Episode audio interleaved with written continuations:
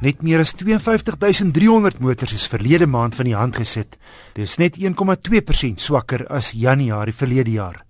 Uitvoere was egter byna 21% hoër as 'n jaar gelede, danksy die nuwe Mercedes C-klas wat Januarie verlede jaar nog nie gereed was vir uitvoere nie.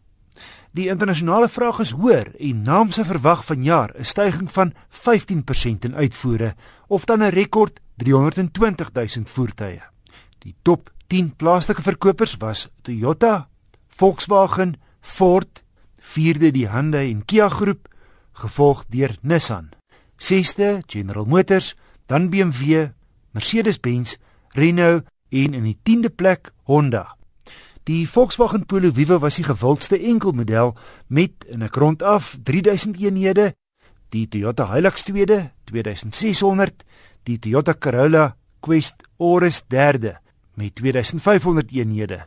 Vierde Ford Ranger 2400 en in die vyfde plek die nuwe geslag Volkswagen Polo 2200.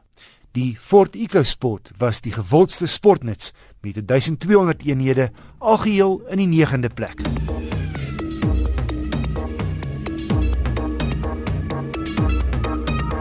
Luisteraar wat homself net as Andries voorstel, skryf: Ek het 'n 2003 Audi A4 1.8 turbo. Onlangs het 3 van die 4 ignition coils op een dag ontklaar geraak. Wat sou die oorsaak wees, vra hy? My tegniese medewerker, Jake Venter, antwoord: Die korrekte Afrikaans vir ignition coil is 'n ontstekingsklos. Dankie. Maar, maar niemand gebruik dit nie. Is. Ja. As dit een was sou gesê dit is 'n fabrieksfout, maar as dit 3 is op dieselfde dag, dan beteken dit vir my daar's een of ander ding op die enjin wat dit veroorsaak het. Nou so 'n klos werk teen 'n baie hoë spanning van meer as 15000 volt.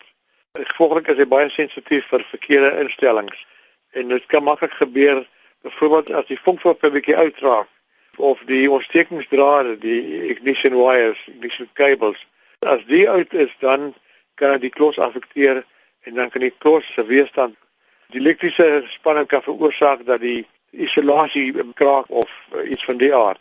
Ander moontlikheid is dat jy iemand of miskien eienaar self of of 'n werkswinkel het aan 'n vonkproppe ingesit en die vonkproppe is nie die korrekte kode nie.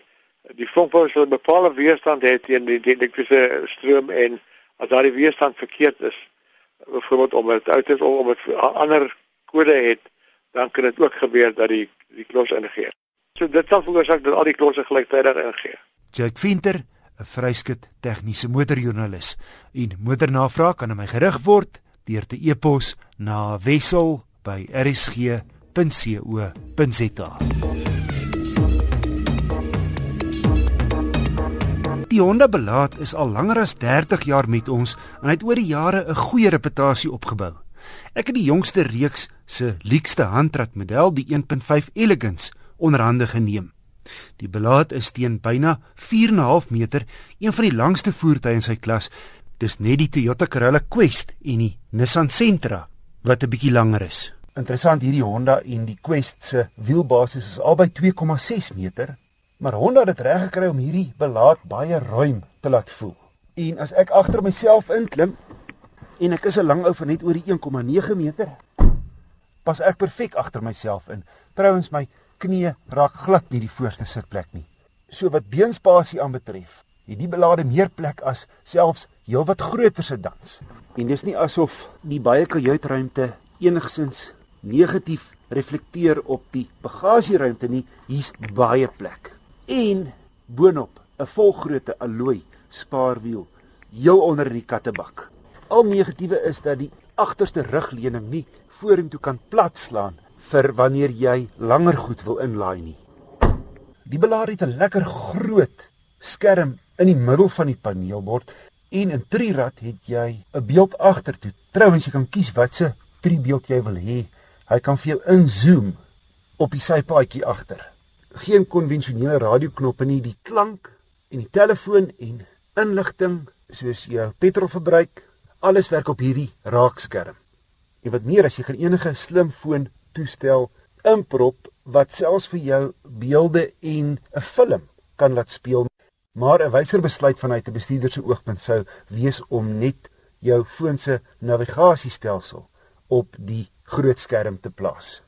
Hy's dierder as sy teenstanders, maar jy het tog beheer op hierdie topmodel, 6 ligsakke, wegtrekhulp, elektroniese stabiliteitsbeheer en kontroles op die leerstuur.